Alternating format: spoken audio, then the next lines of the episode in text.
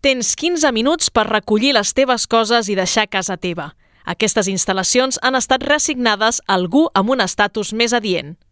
Això és el que li va dir aquell home armat, amb actitud hostil i to autoritari, però ella va dir no. I li era igual emportar-se un tret al cap. Li era igual que tot s'acabés en aquell instant precís, en què el món era el seu món, casa seva. Ho preferia a un futur amb aquelles normes de merda, governat per homes com aquell, amb els somnis amenaçats amb bats de metralleta.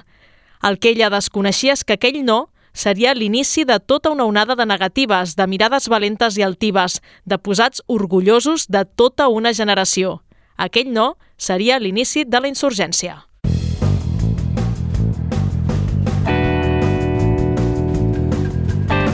Quimèric, amb Karen Madrid. Benvinguts al Quimèric. La rebel·lia s'atribueix molt sovint als joves. Solen ser els joves els primers en plantar-se davant el que consideren una desigualtat, els que qüestionen l'estatus quo i s'uneixen per aconseguir un futur millor. I aquesta actitud la trobem també en la literatura orientada a aquest col·lectiu. De fet, en els últims mesos s'han publicat diversos llibres d'autors catalans on la insurgència neix l'eix temàtic, el motor de les històries. En el programa d'avui volem reflexionar sobre la insurgència en la novel·la juvenil i ho farem amb tres autors. Toni Toni Mata, que acaba de publicar L'Alè dels Llaurats, la segona part de Nascuts per ser breus, Mariló Álvarez, autora d'Insurgents, la segona part de la primera onada, i Mireia Lleó, que ha publicat la seva primera novel·la Sota la cendra. Parlarem de les seves obres, però també de com veuen la societat actual i com voldrien canviar-la és el que donarà de sí el novè quimèric d'aquesta vuitena temporada que fem possible amb el Toni González a les vies de so, l'Iker Mons i la Marina Tovella a la producció i la Clara González a les xarxes socials. Quimèric, el programa per als culturalment dispersos. Els Jocs de la Fam van marcar un abans i un després en la literatura juvenil, incloent una dosi més alta de crueltat, supervivència i insurrecció a les tradicionals distopies. Són moltes de les novel·les que han aprofitat aquesta fórmula per fer una crítica a la nostra societat, i a casa nostra també n'hi ha exponents. Comencem aquest especial parlant de l'Alè dels Llaurats, de Toni Mata, la segona part d'una obra apareguda en plena pandèmia, el Nascuts per ser breus, guanyadora de premis com el Joaquim Ruïra. A l'Alè dels Llaurats coneixem com ha quedat la ciutat eterna després de la rebel·lió de Nascuts per ser breus, un relat on la crítica social és encara més mordàs. Toni Mata, benvingut al Quimèric. Moltes gràcies, Karen. Quan vas escriure Nascuts per ser breus, ja pensaves en una segona part? Hi hauria aquesta, aquest alè dels llaurats? Efectivament, estava prevista la segona part, si als lectors els agradava eh, el llibre, i n'hi haurà una tercera. Ah, hi haurà si tercera? No, no, no, no, si als lectors els agrada. La, Però ja la dels tens llaurats. pensada. Està pensadíssima. Ah. Est Això està pensat des de l'inici com una trilogia per veure com transitar des de la distopia cap a l'utopia. Ah. Perquè ja sabeu que eh, el que fa tant el Nascuts per ser breus com la Lela Llaura, dels Llaurats és, és descriure en realitat la societat en la que vivim d'una manera una mica més exagerada, eh? anant una miqueta a un futur distòpic que pren els mecanismes de la societat capitalista i individualista en la que vivim. Mhm. eh? Per tant, la pregunta és com, com canviem la societat on vivim? Doncs eh, això és el que passa, el que haureu vist que estem transitant des de... a- a- Aquest segon llibre no acaba com el primer No. i ens deixa en un lloc diferent, eh? és això. Ja anirem repassant els diferents Sí, temes perquè- socials perquè n'hi ha un bon Sí, grapat. a- Aquestes res- reflexions estàvem discutint-les Sí. mentre estàvem llegint el Sí. llibre i era com, oh, ostres, tu també veus això, sí!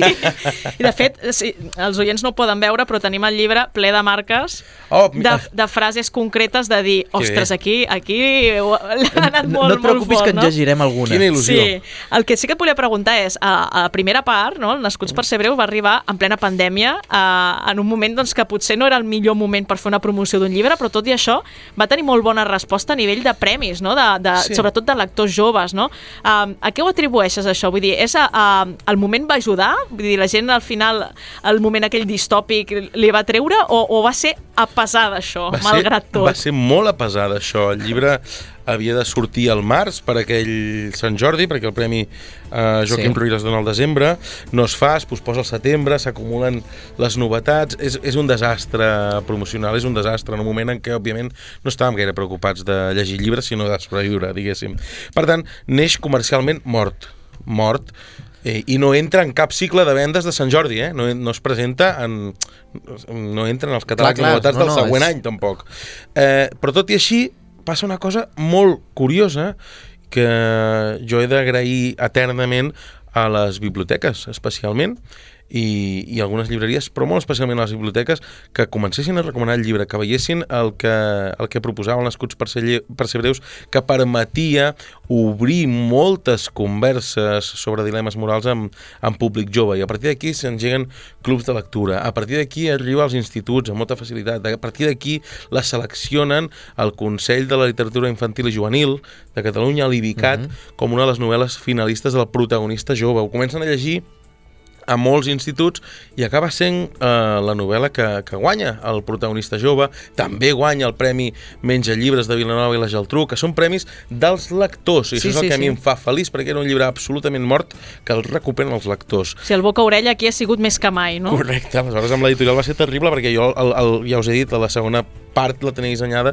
des del principi i, i poc després de sortir llibre els, vaig dir- els vaig dir voleu la segona part perquè han sortit bones crítiques i em van dir no, com volguem dir Què? això, això no s'està venent com volguem dir, que boig aquest home i aleshores comença el llibre a guanyar premis i em diuen que tens la segona part i havien canviat I tu no, ja d'editora i tot. vale? I jo, no, clar, és, és això que us vaig enviar fa sis mesos, mireu. I aleshores vam començar a, a impulsar l'Alè als Llaurats i, i n'estic molt content i espero que, que, que la gent que el va que va acollir també el Nascuts, doncs en realitat és que no són dos llibres, en realitat és un separat en dos, és evident això. Mm. Eh, és el que han dit les, les primeres crítiques, no tens la sensació d'estar llegint un llibre diferent perquè el format és el mateix, evoluciona, evidentment, eh, perquè hi ha nous personatges, però no abandonem del tot algunes de les trames que van aparèixer a la primera part. Per tant, la, la continuïtat és molt, és molt evident. El, que, el lector que li va agradar el Nascuts segur que li agradarà l'Alè i connecta En donem fe. i planteja sí. nous temes. Mm. Eh? Eh? Està tenint bona rebuda, de moment? De moment la Sé crítica és... que acaba de sortir, eh? fa, fa relativament poc, però... Fa, fa relativament poc. Eh, el que passa en les segones parts és que és complicat perquè no, no sé, no sé com dir-ho, com que no és un, un llibre nou i per tant molta gent pensa que per entendre-les haver llegit el primer és més difícil encara promocionar, una cosa que no entenc. Escolta, si va sortir el primer i va guanyar tres premis, potser que miréssiu aquest. doncs, Coi. perdona, eh? Això passa, això passa molt, sí. Eh, però, però bé, eh, de moment, eh, gràcies a, a programes com aquest o, o la Mònica Socies a la xarxa o va, apareixent o moltes booktubers eh, que fan molt bona feina com a Llegir Liga amb la Maria Gages hi ha molta gent en, que treballa molt bé a petita escala en segments com la literatura juvenil que, que n'estan parlant molt i molt bé i n'estic molt agraït, la veritat. I sobretot la literatura juvenil, perquè justament en el fenomen booktuber, no, els Exacte. llibres que més presència tenen són young adult o literatura juvenil. Sí, doncs Young Adult, aquest és un magnífic exemple de Young Adult, Sí. perquè realment jo el vaig pensar més com a adult que com a young. Home, hi ha un nivell de crueltat que, Clar. que depèn de la franja d'edat, és Clar, complicada. De, depèn de qui li donis de, de llegir, a lo millor no, no és eh, pertinent. Clar, efectivament, perquè, mira, veus, eh, hi va haver gent que se'n va espantar una mica el primer, perquè ves el capítol 8, ves el capítol 8, es veu que comentaven alguns alumnes eh, en instituts, perquè eh, hi ha una escena de, de sexe, aleshores... Eh, entre els nanos ho deien. Oh, sexe! Exacte. És tremendo que estiguin a- amb l'escena de sexe i no la primera escena del Clar. llibre, que és la llauradora carregant-s'ho tot i Correcte. fent picadillo un Correcte. districte, que Eh, això sí és- que és com super heavy, Correcte. no? Aleshores, eh, la trama de sexe tenia una presència notable en la primera trama perquè no era una, no, no era una trama de sexe, era una trama sobre la hipersexualització. Aleshores, eh, Exacte. eh, era una reflexió sobre els, els cànons eh, de, de bellesa i, i el consum de cossos. Aleshores, aquesta era la trama. Eh, És per que- tant, aquesta trama ja no hi és a la segona, no fa falta. Eh, eh, és curiós que, que arribi no, a aquest moment de ostres, oh, sexe, sexe, no? El- Els nanos, i que mm. això que dèiem no, no s'escandalitzin per un moment tan exagerat, no? Eh, És possible que els joves esti, eh, hagin normalitzat el fet de que hi hagi crueltat al món? A veure, això és una reflexió molt profunda que faré de manera molt breu. Que Endavant, és que... dispara. Eh, és evident que estem anestesiadíssims per una cosa que s'anomena infodèmia, que és el volum eh, excessiu de- d'estímuls, això ho sabem tots, no, no és que ho digui jo. Eh, aleshores estem tan acostumats a, a aquests impactes que res ens impacta. Podem seguir dinant tranquil·lament mentre veiem eh, nens eh, eh, en, en, en un moment de, de crisi vital a Palestina tranquil·lament i seguim, seguim dinant eh? aleshores eh, sí, eh, aquest és el tema de, del Nascuts i de l'Alè que és que eh, s'ha mm, sistematitzat la crueltat d'una manera que l'ha normalitzat completament i forma part del sistema econòmic en el qual vivim. Aquest és el, el tema transversal a aquestes novel·les, el fet d'adonar-nos que participem per mm, acció o omissió d'un sistema extraordinàriament cruel. En aquest aspecte, ai, perdona, en aquest aspecte um, sí que és veritat que feies la reflexió i que es veia que en cert moment uh, es fa a la pregunta de però per què fem això? No? Per què estem dest destapant aquesta crueltat? Doncs perquè aquells que es vulguin sumar que sumin, però la gran majoria el que faran és simplement deixar-nos fer. Mm. No? Eh, falta un, una participació més activa? Jo crec que és evident que sí. És a dir, tots sabem que passen coses que no ens agraden, però senzillament anem fent. Sovint, um, però, però no, no, no vull culpar la ciutadania, eh, perquè sempre es responsabilitza el ciutadà individual de, de coses molt més grans que de vegades no podem controlar, però sovint tinc la sensació que el ciutadà és com una mena branquilló en un rierol que es va, el va empenyent riu avall i per tant um, no pots, no pots uh, fer res més que seguir la corrent. Clar. Eh, però el que busquen aquests llibres és ensenyar diguéssim, que si realment t'atures i mires al costat i veus que aquell està igual que tu i aquest més aquell, més aquell, més aquell i amb moltíssima intel·ligència i, i perseverança les coses poden canviar. No, no, no hem d'acceptar que això és així perquè sí i punt. I que no hi podem fer res i quedar-nos tancats en les nostres vides d'anar pagant factures i anar aguantant. I mira, avui m'ha quedat aquesta setmana he tingut una estona i podré anar a sopar i aquest és el meu petit luxe. Hem rebaixat tant les expectatives del que és la vida que ens conformem amb qualsevol cosa i tolerem la injustícia amb una normalitat que fa faradat De fet, eh, una de les preguntes que et volíem fer era quan hi ha de frustració personal i de, i de, i de cabreig cap a la societat en aquests dos llibres? Quina Moltíssima. part teva hi ha? Moltíssim. Aquests llibres han evitat que jo no acabi a la presó. Eh, clar, clar, clar. És, és evidentíssim que el que m'agradaria és cremar una sèrie d'edificis que ara esmentaria. Però aquesta no és una, no és una manera molt intel·ligent d'actuar.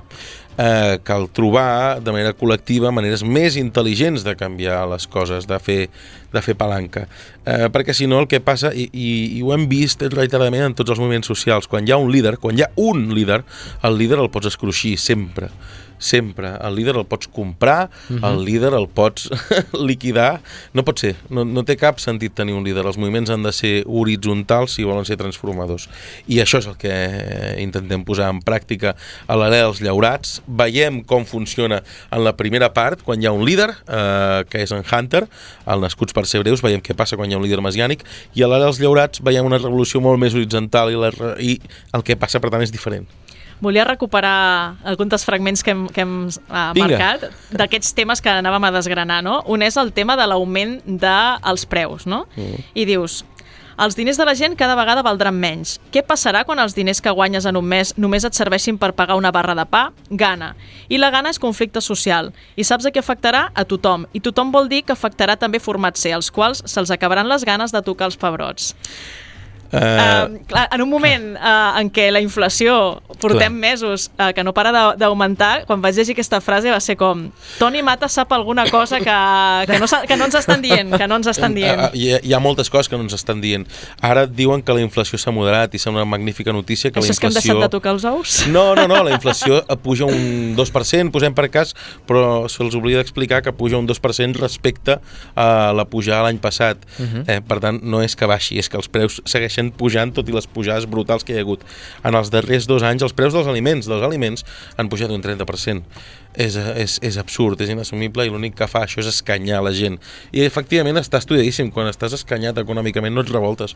Això és, això és claríssim perquè tens, és això que explicàvem, si tens fam tens un problema major del qual preocupar-te. Exacte. Per tant, I aquí entra la individual, individualitat. Ah, això és, això és. I això eh, eh, està estudiat, és a dir, això passa i seguirà passant i la inflació és una eina. I veiem què ha passat, eh, què està passant a Argentina Milei acaba d'avaluar la, la moneda argentina un 50% bé, eh, doncs les conseqüències de, de la gestió econòmica són aquestes I també tractes temes eh, com l'educació. Llegim un altre fragment que- d'aquests que ens han deixat doncs, tiesos. La meva intuïció és que hem d'eliminar qualsevol contingut que fomenti l'esperit crític, sigui d'història, filosofia o el que sigui. No ens convé que estiguin excessivament formats. Ara mateix la producció dels nostres béns està externalitzada als suburbis. Necessitem caps pensants capaços de dissenyar els productes o les polítiques que ens caldran en un futur. Però per fer això en tenim prou amb poca gent. Haurien de ser una classe escollida entre els eterns, que seguirien tenint la formació integrant per al seu desenvolupament. Aquests serien els líders del futur. La resta haurien de tenir accés només a una educació escapçada, una que els encaminés cap a la insensibilització psíquica. Estem anant cap aquí ja? Bueno, eh, no sé si eh, et, et toca de prop l'actualitat aquí, segurament, no? Sí, més del que voldria. Més del que voldries, oi? Perquè els resultats de l'informe PISA són els que són. Mm. Eh, si tens gent amb, un, amb cada cop una menor comprensió lectora, eh, diguéssim que estàs guanyant eh, moltíssim marge perquè les elites puguin fer i desfer, perquè si no pots entendre ni un text simple, diguéssim, eh, doncs el problema Estem és greu. perduts, estem clar, perduts. Clar, clar, clar. Aleshores, l'educació és un tema clau de llibertats, de llibertats individuals i col·lectives. Necessitem que... Hi hi ha un problema que és que no, no, no, no hem entès com d'important és que tots puguem eh, educar-nos i créixer perquè és l'única manera de, de, un, de, de, de poder eh, moure't en aquest món i dos, de poder exigir i de poder eh, transformar allò que no t'agradi. És que si, si no comprens el món en el que vius és un problema. Per... Aquest, abans parlàvem, em- parlàvem d'economia, eh, hi ha un, l'educació financera brilla per la seva absència de, dels currículums escolars, perquè la gent surt dels instituts, ja no et dic de primària, perquè la gent surt dels instituts sense saber eh, com es calcula una nòmina o com es Fer la declaració de la renta, per exemple, seria Clar. molt interessant que ens ho Exacte. expliquessin. No saps llegir una nòmina, tu, tot això no ho saps, tot, com es creen els diners, no tens ni la Ni, més... ni quins drets tens a l'hora de ser Clar. contractat. No, tens, no ho saps, això. I de què serveix que no ho sàpigues? serveix de moltíssimes coses, però tu no. El sistema. Exacte. Eh, entre els breus, en aquest segon llibre, eh, es deshumanitzen, i ja només no pel lloc on eh, acaben habitant, sinó també pel propi menjar, que això ja genera eh, polèmica. Eh, no hi havia risc de que el lector acabés creient, eh, caient en aquesta falta d'empatia, que al final es creguessin que efectivament són bèsties? Aquesta era la idea. Aquesta, aquesta és la idea, comprendre que l'ésser humà és capaç de deshumanitzar altres humans que construint el, el relat econòmic, eh, bàsicament, eh, pots, pots, pots deshumanitzar a altres persones, la qual cosa és una, un, un fet que hem vist reiteradament a la història. Quan escrivia el Nascuts per ser breus tenia molt al cap el, el ferrocarril subterrani del, del Colson Whitehead, ja, ja ho vaig explicar en aquest programa, perquè mm. les tortures que pateixen els breus doncs no són pas inventades, sinó que són les que patien els, els esclaus africans en els camps de cotó. Uh, en el moment d'escriure dels Llaurats tenia molt més al cap uh, la trilogia d'Auschwitz de Primo Levi, uh -huh. uh, pel que fa precisament a la industrialització de la mort en què es van convertir els camps nazis i aquí senzillament hem dut la, la industrialització de la mort a un nivell més sofisticat eh, a tot el que permet la tecnologia, però el relat és el mateix. Mm. El relat és el mateix. Eh, hi ha un nosaltres, hi ha un ells. Els breus, ells, són, són, són bèsties al final I, i el procés de deshumanització igual que ho era eh, amb eh, els nazis, amb els jueus el procés de deshumanització està pensadíssim perquè quan tu deixes de veure a l'altra persona com, com, com un humà que, que sent i que pensa i que mira el món com tu és molt més fàcil fer segons què i aquest segons què el fem i l'apliquem no pas en ficció sinó en el En la nostre dia a dia és a dir, quan, quan, quan parlem de tota aquesta gent que es queda a mig camí al mar eh, abans d'arribar a Lampedusa, no sé què ens pensem, la veritat, que són, són persones que el- els hi ha tocat això perquè s'ho deuen mereix... No, no, no, no ho sé, no, soc, no, no entenc, no arribo a entendre com podem deshumanitzar fins al nivell que puguem permetre aquestes coses que passen. I com que no ho entenc, eh, intento expressar-ho com un procés de deshumanització que és el que vivim. I aquí ho he dit molt a l'extrem, amb tota la sofisticació que això que l'economia moderna permet. De fet, eh, abans parlàvem de la llauradora, no? aquesta escena inicial del primer llibre, de la llauradora que ho tritura tot, ho desfà, que és com una imatge supercruel, mm. però en aquest segon llibre tens un mètode igualment cruel, però més subtil o més que, que permet mirar cap a una altra banda, no? que, que és cap on vas tu, no? De... Clar, no sabria dir-te si més cruel. L'altre és més espectacular, la llauradora és més espectacular, eh, i aquest és, jo crec que més cruel perquè no és tan ràpid. Aleshores hi ha, hi ha un... No, no, no ho explico perquè apareix en el primer capítol. Eh, en el primer capítol, no, en el segon, hi ha una petita presentació. Però he de dir-te que, que la meva dona no havia llegit res del llibre i el va llegir quan ja estava publicat i era molt divertit per mi estar llegint tots dos al llit tranquil·lament i que de tant en tant la meva dona es girés i em mirés així com dient però qui, amb quina mena Amb qui m'he casat? Amb qui m'he casat? amb qui visc? No, mira, carinyo, t'ho explico. És que, mira, és que he, he intentat dissenyar el mètode més cruel i més net tenint en compte el que aquesta gent després fa. eh, amb fer eficient, morts. fer-ho eficient És- també, no? Que- És pura economia. Tant amb la llauradora com en el teu nou mètode no es perd res, no es llença Mm. No es res. Res, res es llença, res es llença. Go vegan.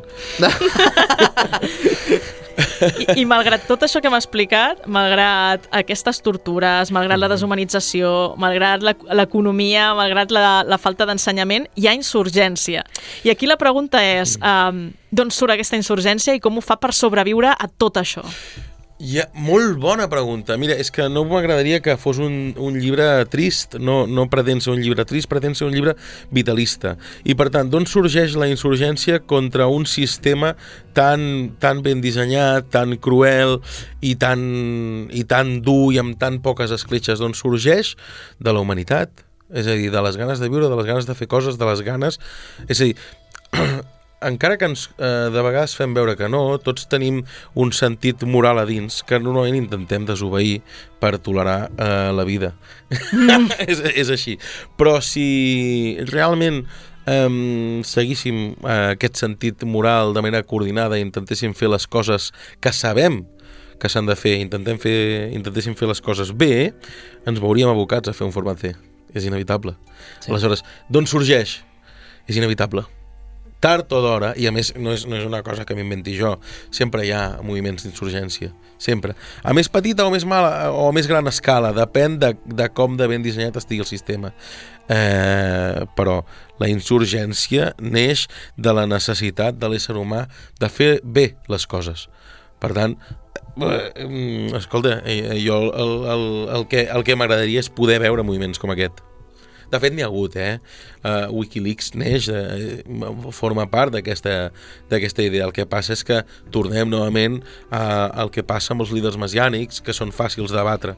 Mm. Uh, moviments d'aquests n'hi ha hagut. Han de ser molt col·lectius Sí. i Correcte. per no caure, doncs això, no? quan agafes el líder o quan agafes a tres o quatre persones que han donat la cara per això, no? Exacte. Correcte.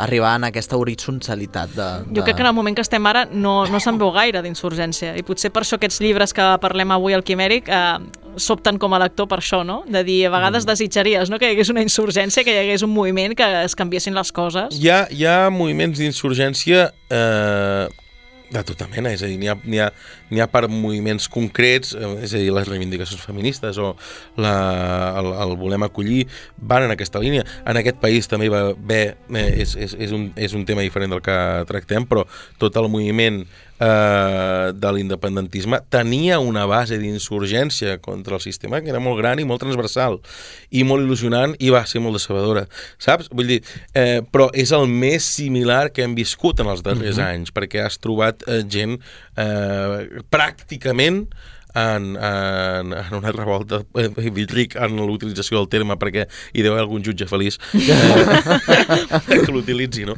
eh, però eh, és, el que vull dir és que és bonic veure quan la gent s'ajunta de manera massiva per dur a terme una idea, sigui la que sigui eh? aquí parlem d'una, però en podrien ser d'altres I ja per últim et volia preguntar sobre el tema de les expectatives, no? perquè hi ha un moment que l'Alè dels Llaurats diu el pitjor que pot tenir l'ésser humà és expectatives i apunta que l'expectativa és el que en genera la frustració i el dolor. No?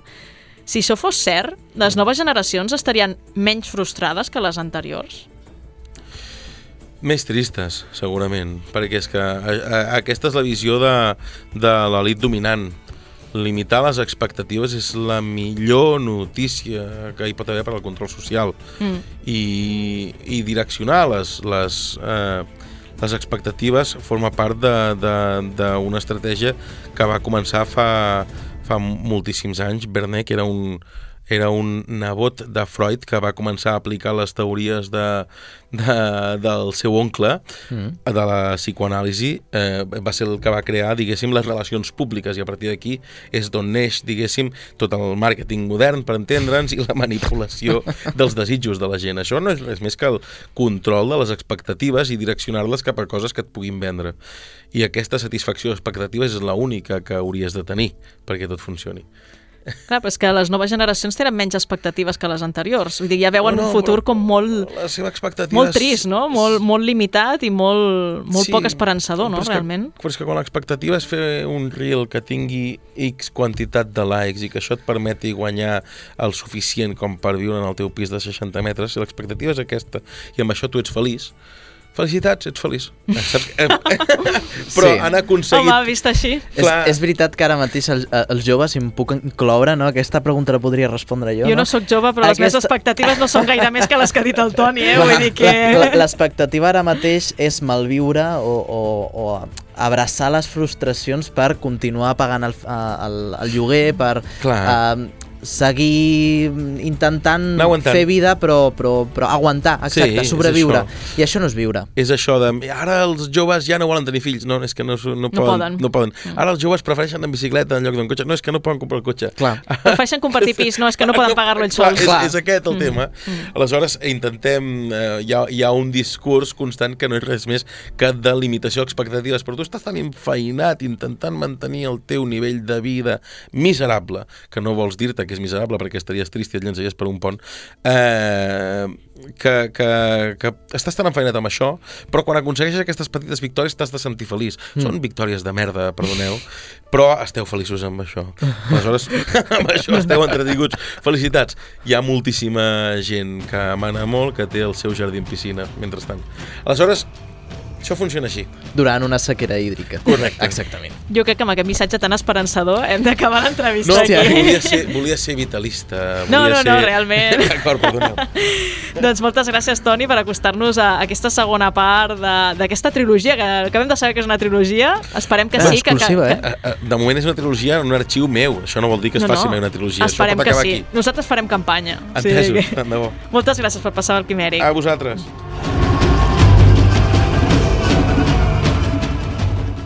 Quatre, vuit, dotze, setze, vint-i-tres, quaranta-dos. Quimèric. La insurgència que ens trobem a l'alè dels Llaurats té molts punts en comú amb la dels insurgents, la continuació de la primera onada de Mariró Álvarez. En les dues novel·les, la trama transcorre en un futur distòpic. A més, la voluntat de canviar una realitat injusta és el motor de les dues històries. En el cas d'insurgents, però, la mobilització arrencarà de la mà d'un grup de joves després d'haver viscut en pròpia pell els experiments a la colònia lunar i comprovar que el que el rat oficial no té res a veure amb el que està passant. El primer pas, tornar a casa i obrir els ulls a la societat. Mariló Álvarez, benvinguda al Quimèric. Hola, què tal, com va? Insurgents és la segona part de la primera onada, però arriba amb 5 anys de diferència. No sé si la tenies en ment des del principi i què ha passat no, en aquests 5 anys. Sí que hi havia uh, mentalitat de fer una segona part, perquè és cert que la primera onada té un final molt obert, que pot funcionar, però que deixa com moltes incògnites. I jo tenia un poc com la il·lusió d'en algun moment poder acabar la novel·la. El que passa que, que pel camí han anat venint uns altres projectes i finalment em vaig adonar que, que m'ha costat 5 anys. Jo ara dic només 5 anys, però en aquell moment se va fer molt llarg, no? I, i un poc el motor també de decidir-me a, a continuar-la, malgrat que haguessin passat 5 anys, és que als instituts sí que tenia com molta curiositat per l'alumnat, perquè la primera onada ha viatjat bastant pels instituts, no? Amb, bueno, però no pots deixar les coses així, volem saber com acaba, no? Pressió popular, eh? Sí, una mica Totalment. per evitar-me no, allò del va, vinga, acaba, acaba, dic, bueno, jo ho diré, i així ja l'últim any i, i poc, no, podia dir almenys, no, no, estic treballant en ella, no patiu, que en algun moment arribarà, no? Només tinc una línia escrita, però eh, però, estic però ja fent. estic, eh? això ja està en Ah, marxa, ja ho tècnicament teniu. s'està escrivint, sí, sí. Clar, escrivint, clar, en algun en moment ello. arribarà, no? Eh, pel que fa a Insurgents, també tens un final que podríem considerar obert. No sé si has plantejat fer una tercera part de- d'aquesta possible saga. Tu has plantejat? De moment no, perquè la meva idea sí que era una mica com les dues i tancar un poc el que passava als protagonistes quan anaven a la lluna i el que trobaven uh -huh. en tornar, no? com fer un, un poc el, els dos costats de, de la seva història. Fins ara no, no he pensat continuar, però sí que és cert que eh, potser els fils d'alguns dels personatges podrien evolucionar en altres tipus d'històries, pot ser per a un públic me, més adult. Però vaig, això és un projecte que si el que tenia clar m'ha costat 5 anys, jo crec que els que estan un poc en l'aire no, no m'atrevisc a posar data, perquè no, no sé quan podria arribar alguna cosa així. Depèn dels nous lectors d'institut també, no? Doncs Sí. sí, exacte, la pressió popular manarà que tira cap a un costat o cap a l'altre. En, en aquest cas parlàvem dels finals, però també l'inici és important i en aquest Sí. cas Insurgents comença doncs ja amb una trama com ja iniciada, no? Veiem els joves que ja els han passat una sèrie de coses a la Lluna i tornen. Ha estat més fàcil o més difícil per tu començar així? Per mi ha sigut molt més difícil perquè, a més, tenia una mica el repte, que és el que vaig quedar amb, amb el meu editor, amb el Marc de Bromera, que, que allò havia de, de poder llegir-se independentment de si t'haguessis llegit la primera part, no? Perquè hi havia molta gent que coneixia la primera onada per, pels instituts, però, clar, els lectors que s'acosten a ella a una llibreria Sí. potser no saben que és una segona part o no tenen a l'abast en aquell moment, no? I jo sí que tenia molt clar que volia que això es pogués llegir de manera independent.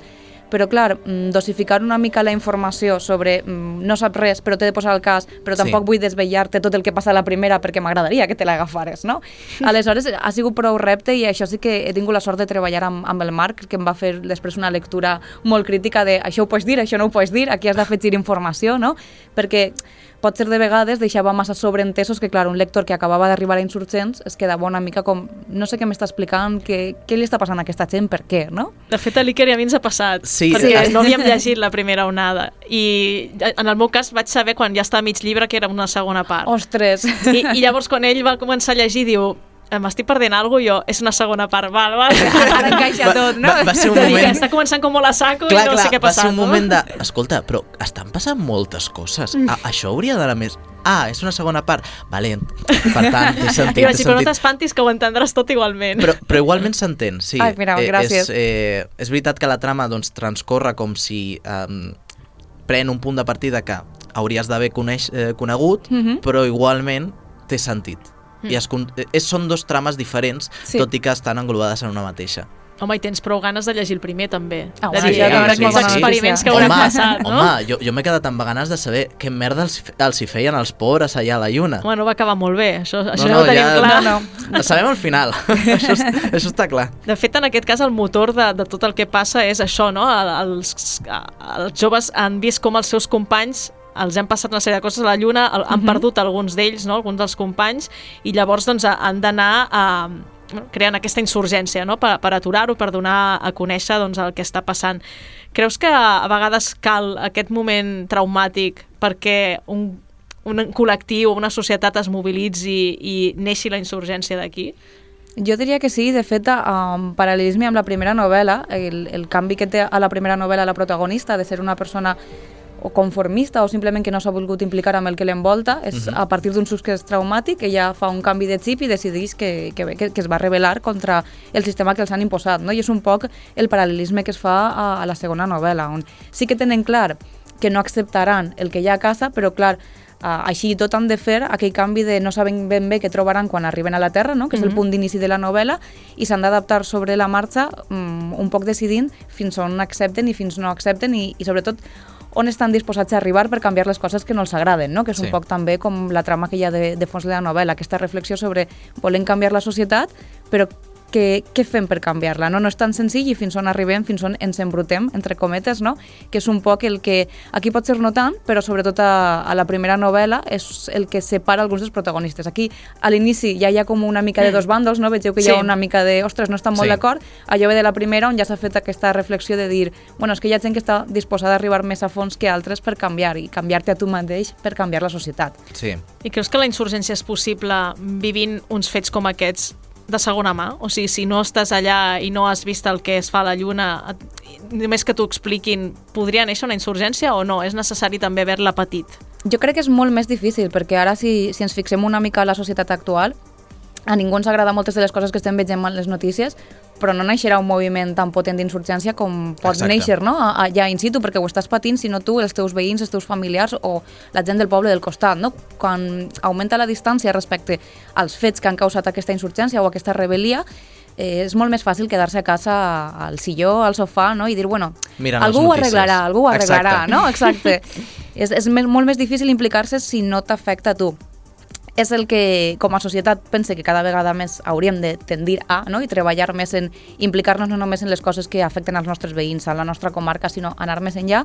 Però, clar, és una mobilització molt més complicada i, de fet, un dels topalls que tenen els protagonistes d'Insurgents és precisament aquest, no? Ells venen molt motivats a canviar les coses I de sobte, Clar, allà la gent és com no està en la millor situació en la que podria estar, però podrien estar pitjor, no? És aquest pensament tan odiós de dir és que podríem estar molt pitjor i si ens movem una mica potser acabem pitjor del que estem, no? Clar, e- és la idea d'individualisme que exploraven abans en l'entrevista de Toni Mata, Mhm. no? que, que l'escoltàvem dir no? que si et passa a tu a un problema, et deixa, et t'oblides de que hi ha altres problemes al teu voltant si no t'afecten a tu. Clar, és... és uh... És, és, és, És, és el kit de la qüestió, exacte, no? Sobretot amb això, si has de liar gent, Sí. si la gent s'ha d'unir, el problema ha de ser comú, perquè si no la Ah, gent es exacte. despenja, no? Uh, també explores la idea de privilegi amb la figura de- d'en Gat. Mm. Uh, la teva in intenció era demostrar que també aquelles persones que tenen privilegis també poden arribar al fang? Sí, és, és molt més difícil, però s'hauria de poder. De, de fet, amb, al principi de la relació de, del Gat amb l'Alice, Mm. mm. uh, hi ha com un xoc perquè l'Alice està convençuda de que, com és fill de qui és, no? Mm, bueno, que està una mica per figurar, però que a aquest no li faran res. I aleshores té com un prejudici molt fort, només el coneix, que, que a poc a poc va caient quan veu que no és la persona que s'espera, no? I aleshores també hi ha un xoc com, com estereotipem a les altres persones i els prejudicis que tenim per la seva posició social, per la seva aparença, no? I que moltes vegades no ens molestem a conèixer a la persona que, que hi ha allà. I, i al cap i a la fi, encara que estiga eh, en una posició social diferent, en aquell moment està passant per la mateixa experiència que estan passant la resta Sí. de companys, no? Aleshores, eh, jo trobo que determinades situacions límit, podríem dir, acaben afectant-nos d'una manera molt semblant. Sí que és cert que cadascú, en funció de la personalitat que tinga, reaccionarà de manera més pacífica, més violenta, més rebel, i això també ho he intentat una mica mostrar amb, amb el grup d'amics, que cadascú mm, és més, menys pacifista, no? més menys violent. que, que és una mica també difícil portar un grup coral no? quan no Sí, clar. tothom està d'acord. Però, però sí que la idea és aquesta, que enfrontats a determinades situacions mm, tots podem acabar baixant a, al fang. Uh, aquí, en, en el cas de Gades, és una mica això, no? Mm, està implicat tant a nivell personal perquè ell ha format part del grup de colons que han estat en la Lluna, com a nivell del que li pot passar al seu germà si, si no canvien allò que no els agrada a la societat, si no paralitzen el, el programa Èxode. Aleshores, en estar implicat com pels dos costats és el detonant doble que té ell una mica per actuar. Amb algú de la seva classe social que no estigués sotmès a ninguna de les dues situacions? Bueno, seria prou més complicat, no?, que es posés de banda de, Clar. dels rebels. També veiem el paper dels mitjans. Eh, tu els hi dones molta importància d'una banda per transmetre el relat de l'autoritat, el relat oficial, com per trencar aquest relat. No sé si és per la teva professió de periodista, que els tens amb tanta estima, o perquè en al- altres novel·les d'insurgència que els mitjans o no apareixen o directament són els dolents, no? Jo crec que, que, que tot i que fa molt de temps que no treballa de periodista, hi ha alguna cosa que s'ha quedat aquí, no? de dir un periodista de cor, i no sé, en, en, quan vaig estar treballant, uh, exercint la professió, per a mi era una cosa important informar a, a la gent, no? I el relat que estaves transmetent, ja, ja ens deien a la carrera allò de que, que vosaltres també ho sabreu de memòria, allò de que l'objectivitat no existeix, no? Mhm. Però dins del que hi ha intenta ser el més imparcial possible. Sí. Doncs aquí és una mica el xoc amb que, que no, en aquest cas eh, intenten ser tan parcials com siga possible, no? tant des d'un costat i com a l'altre, i és com utilitzar eh, l'eina o una de les eines principals que té en aquest cas el règim per, no diria tant per controlar a la gent, sinó com per mantenir-la tranquil·la, no? perquè és com van llançant missatges esperançadors, com ei, tot està bé, no passa res, farem això, farem allò, i mentre la gent rep aquests missatges no es preocupa eh, d'explorar si allò que li estan contant és veritat o no, no? Simplement s'ho creu perquè, a més, clar, ve d'un mitjà oficial, no? Aquesta passivitat que tenim també de vegades com a receptors de la informació i això també, eh, en aquest cas, pot arribar a jugar a favor dels protagonistes que decideixen agafar aquesta eina de l'autoritat i convertir-la en una eina de la rebel·lia, perquè ja tens com una base de gent que creu tot el que veu no? en aquests mitjans, bé, si creien en l'altre missatge, per què no han de creure el teu? No? Si Sí. mentre aportes proves que puguen resultar convincents, pots una mica donar-li la volta i convertir un, la fortalesa de l'enemic en la teva fortalesa. També presentes un, un món on el govern ho mana tot, no? ho, eh, ho controla tot, fins i tot la manera de vestir. Uh, creus que anem cap aquí? Home, espero que no. que malament, no? Però... Jo vull saber l'opinió de la Mariló, que Sí, sí, si endavant, surt a la novel·la dispara. serà per alguna cosa. Jo trobo que, que, el, que la part trista, entre cometes, és que mm, amb el tema, per exemple, de, de vestir, més que manar el govern, de vegades ens ho manem nosaltres com a, com a societat, perquè jo moltes vegades fent les xerrades amb els instituts, no? moltes vegades el, el tema de la roba, no? perquè els crida molt l'atenció. I aleshores uh, comencem a parlar de marques de roba i de per què tothom ha de portar una marca de roba determinada uh -huh. o quan de sobte ara tothom ha de portar els pantalons de determinada manera, amples o baixos o tal, no? Al final ens uniformem nosaltres mateixos sense que ningú ens ho ordene, no? I era una mica aquest sentiment com de- d'homogeneïtat perquè mm, d'una banda uh, tens aquesta part com de pertinença a grup que sobretot quan eres molt jove no et pot ajudar el dir no estic sol, hi ha més gent com jo i al mateix temps intentem trencar també com amb eixa uniformitat, són com molt bipolars en aquest sentit com a, com a societat. I aquí és una mica el mateix no? perquè uh, el que passava a la lluna és que aquest sistema de colors també es reproduïa allà i els hi havien venut el missatge de que quan pujaren a la lluna uh, tot seria diferent i seria una societat igualitària i el primer que troben és que això ja es repeteix no? i és com has estat eh, intentant trencar repetint els mateixos sistemes, estàs dient que tot el món som iguals però alhora ens has dividit en grups segons el color, ja no som tots iguals, no tenim el mateix comportament en un grup i en altre, no? I era una mica reflectir aquesta bipolaritat que tenim com a societat de voler mm, ser alhora uniformes i homogenis per sentir-nos tots agermanats, però volem ser únics i diferents, no? I això al final acaba traduint-se en situacions molt absurdes. Marilo, no marxis, perquè segurament eh, t'interpel·larem amb, la, amb la següent entrevista, perquè anem a parlar d'un altre llibre que parla d'insurgència. És un llibre que ens ha sorprès, per, sobretot perquè és una primera novel·la, la primera novel·la de Mireia Lleó, Sota la cendra, publicada el mes de setembre passat per Obscura. És una novel·la distòpica, a l'anomenada Nova Unió, on tenim com a protagonistes diversos joves amb atributs que els fan diferents, amb tot el que això suposa. Els lectors acompanyen els joves en el seu autodescobriment, però també en com decideixen concentrar les seves emocions negatives en rebel·lar-se contra les injustícies. Mireia, benvinguda al Quimèric. Hola. Tu ets molt jove, però aquesta novel·la t'ha costat 5 anys de feina. Com, com neix? D'on neix? Doncs no sabria dir exactament com va sorgir, no? Jo crec que vaig anar escrivint i, i de cop va anar, va anar sorgint una història. Jo no tenia planejat on arribaria això, ni, ni què acabaria sortint, però jo vaig anar escrivint coses, coses, coses, i a poc a poc, cap allà al 2018-2019, va com començar a agafar una mica de forma, no? I a poc a poc, a partir d'aquí, vaig, anar, vaig anar tirant i va acabar sent sota la cendra. Uh, has tingut una mena de tutor en aquest procés que t'hagi ajudat en, en la creació d'aquesta novel·la? Sí, de fet, uh, es diu Carles Lúria, que és escriptor i periodista, i doncs uh, vaig començar a fer classes amb ell fa, fa ja uns anys i m'ha ajudat moltíssim amb la novel·la i la veritat és que jo crec que sense aquestes classes no, no hauria acabat, no? Potser sí que l'hauria acabat, però no hauria sigut com és ara. Uh -huh. Els teus protagonistes són protagonistes que són diferents no? al seu entorn, però intenten dissimular-ho perquè se senten monstres. Tu volies reflexionar sobre precisament l'etiqueta de monstre i qui és i qui no és monstre? Perquè, clar, eh, veiem aquest rol com va canviant no? al, al, al voltant de la novel·la. Sí, és un concepte que a mi m'interessa moltíssim, perquè tots creiem, si no hi pensem massa, que sabem què és un monstre i que sabríem identificar-ho i que potser tots estaríem d'acord, però realment tots tindríem opinions diferents i segons la teva visió eh, una cosa pot ser o no monstruosa i per una altra persona eh, tindria una altra opinió. Llavors, jo crec que és molt interessant veure les dues cares de la mateixa moneda i, i fer aquest joc de realment qui creiem que és un monstre i quines atrocitats uh -huh. eh, hem fet nosaltres o quines atrocitats ha fet una altra persona i què és pitjor, què és millor, eh, qui dicta què és o no un monstre. Vull dir, totes aquestes preguntes eh, m'han acompanyat molt durant eh, l'escriptura de la novel·la. Sí, durant tota la novel·la explores com aquesta idea de que la normalitat no, de, dels, dels personatges i que altres personatges amb les seves diferències els converteixen automàticament en aquests monstres però trobem que de fet la normalitat és el que provoca que siguin mm. eh, monstres uh, Clar, això et fa pensar de dir, a veure um, el que s'estan amagant aquests protagonistes no deixen de ser atributs positius, són poders, són, no? Són, són, són superpoders, Clar, realment. Llavors, que és una, una crítica de com ens capen les nostres virtuts des de la societat, des del govern?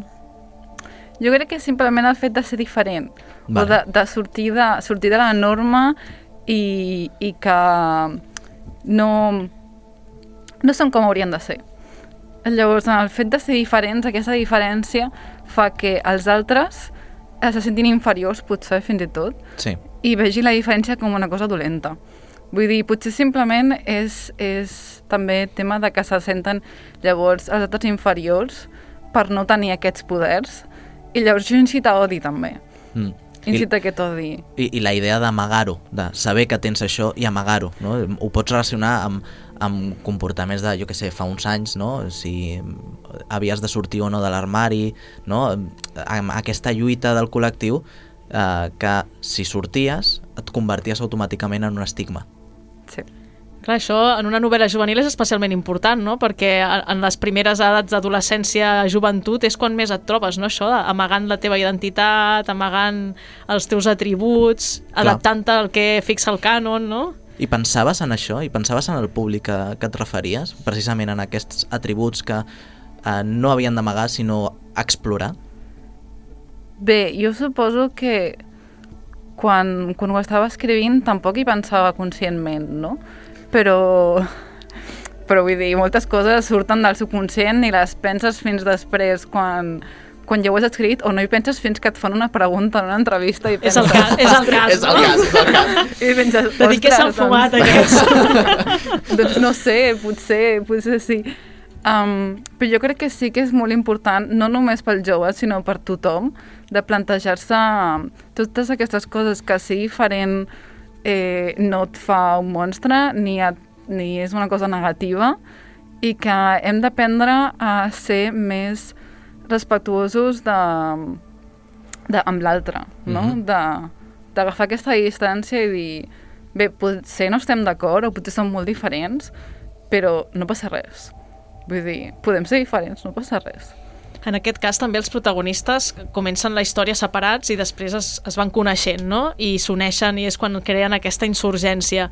La insurgència, um, o sigui, el frenar la insurgència eh, sempre passa per mantenir eh, les persones poderoses separades, perquè clar, estem parlant de persones que tenen superpoders i les mantenen separades i és quan s'uneixen, no?, que apareix aquest moviment. Seria possible aquesta protesta, aquest canviar el món sense aquesta unió? Um, jo crec que no, perquè és veritat que al final els successos que passen a sota la cendra acaben passant per un cúmul de, de coses que si no, si no passés d'aquesta manera potser no, no tindríem un sota la cendra com és. No? I sí que m'agrada molt que els personatges es vagin coneixent entre si a poc a poquet, una mica com peces de puzzle que, van, mm -hmm. que es van ajuntant poquet a poquet i al final acabes amb el final de la novel·la i dius, ostres, que guai, no? Que no hem parlat de, de si hi haurà segona part o no, que també era una veritat, pregunta sí, que planava l'ambient quan el Està llegíem. bastant obert.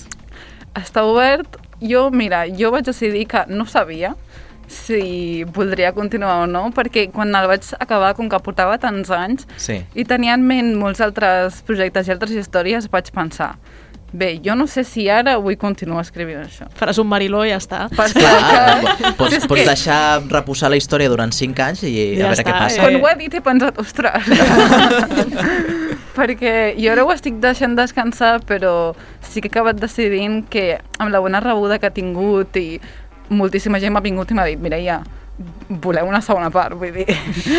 Llavors he dit, bueno, vale. És que molta gent l'ha donat a per feta, eh? Vull dir, gent Sí. que, Sí. que, en el cas que diferents companys del Mundillo Friki que l'havien llegit abans que nosaltres ho deien de, no, però això suposo que la segona part, ja donant-ho però per superfet, no? De dir, això la segona part passarà i era com, ostres, no sé, perquè encara no l'he llegit i no sé com acaba, però... Bueno, doncs estem eh, escoltant ara mateix en primícia que a lo millor no hi que ha segona igual part. no, sí que, sí que Filip Prim ho sento. Exacte.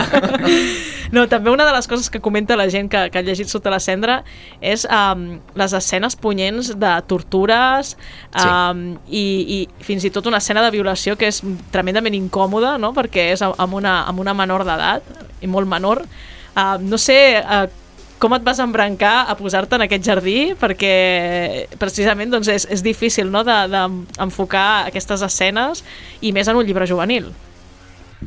Sí, la veritat que crec que en general en moltes escenes vaig, jo em vaig embrancar a, a molts terrenys difícils, he de dir, però sobretot en aquella escena eh, no sabria dir exactament per què vaig decidir fer-ho, simplement jo com vaig anar escrivint um, va sorgir, vull dir, va, de cop tenia sentit.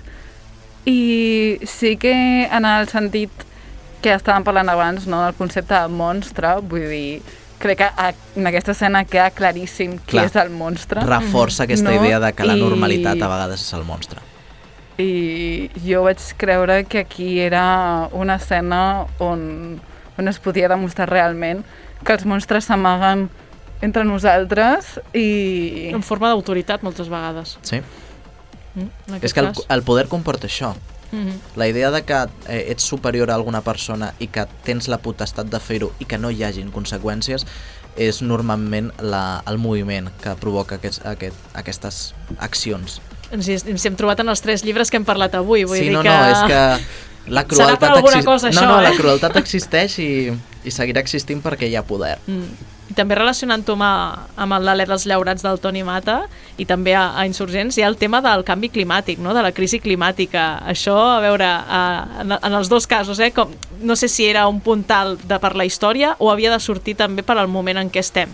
Vull dir, si ja, si ja ho teníeu incorporat de dir no, no, això ha de ser així perquè les coses passin així, o ha sigut un... Clar, estem bevent tant d'aquests missatges no, del canvi climàtic que havia de sortir. Clar, en, en el meu cas, eh, com això venia ja de la primera onada, fa, fa cinc anys potser encara no es parlava tant de, de canvi climàtic, ja, ja sonava la cosa, no és que siga una cosa d'enguany, de, no? Però sí que era una mica com el, el detonant que em permetia enviar molt lluny els personatges, no? Perquè quina excusa necessites per enviar a, a un grup de joves sants, no? I perfectament feliços a la lluna i separar-los de les seues famílies i fer-los desgraciats, doncs que el planeta Terra siga pràcticament inhabitable, no? Ens l'hem carregat els humans, una part per canvi climàtic, però molt també provocat per, per una guerra que els menciona i que s'explica una mica més a, a Insurgents, que ha acabat de fer inviable la vida a la Terra i queden molt poques societats i, per tant, es creu que la colonització és l'única manera de sobreviure. Aleshores em servia una mica com per reflectir que, que els humans som els que estem carregant-nos el planeta, no?, d'un costat, i de l'altre era la millor excusa per justificar que haguessin de, de marxar a la Lluna. Mm. Mireia. En el meu cas, jo ja ho havia decidit abans de començar la novel·la, eh, que volia que fos una distopia, i simplement també era una excusa per el tema dels poders que tenen els personatges, del com, no, no vull fer spoilers aquí, però al final ja s'explica el per què tenen aquests superpoders. Llavors em servia de, de background per explicar no, el, el per què d'aquests poders i com havien sorgit, i a més a més el canvi climàtic és una cosa que m'interessa molt i en aquest sentit sóc una mica um, com negativa, no? De, del futur. Eh, ho veig bastant, bastant negre. Um, I volia incloure-ho simplement perquè és una cosa que també m'interessa molt. I com que vaig anar afegint coses fosques i parlo de monstres i no, tot, tot molt fosc, doncs dic, per, per què no, no? Anem a posar més foscor a la taula. Llavors, és Quin de tot, mas. no, és, és com... Està tot envoltat de... Vale, dius que, que ets negativa en aquest sentit, en el canvi climàtic. Um, es, quan es, cre eh, es crea una distopia normalment és per mm, criticar un moment actual no? i a veure si es pot fer um, un canvi real però si ets negativa en el canvi climàtic dones per fet que no anirem a, a, a bon port Jo, jo crec que es podrien fer coses, però no es fan i no es faran perquè no interessen uh, a la gent que té el poder. Llavors, um, com que sé que es podria fer però no es farà, um, no sé, no, no sé quines esperances tinc, però no en tinc massa. No sé. Doncs amb aquest missatge tan optimista hem d'acabar, perquè se'ns acaba el temps. Gràcies, Mireia, gràcies, Mariló, per passar pel Quimèric. A vosaltres per convidar-nos.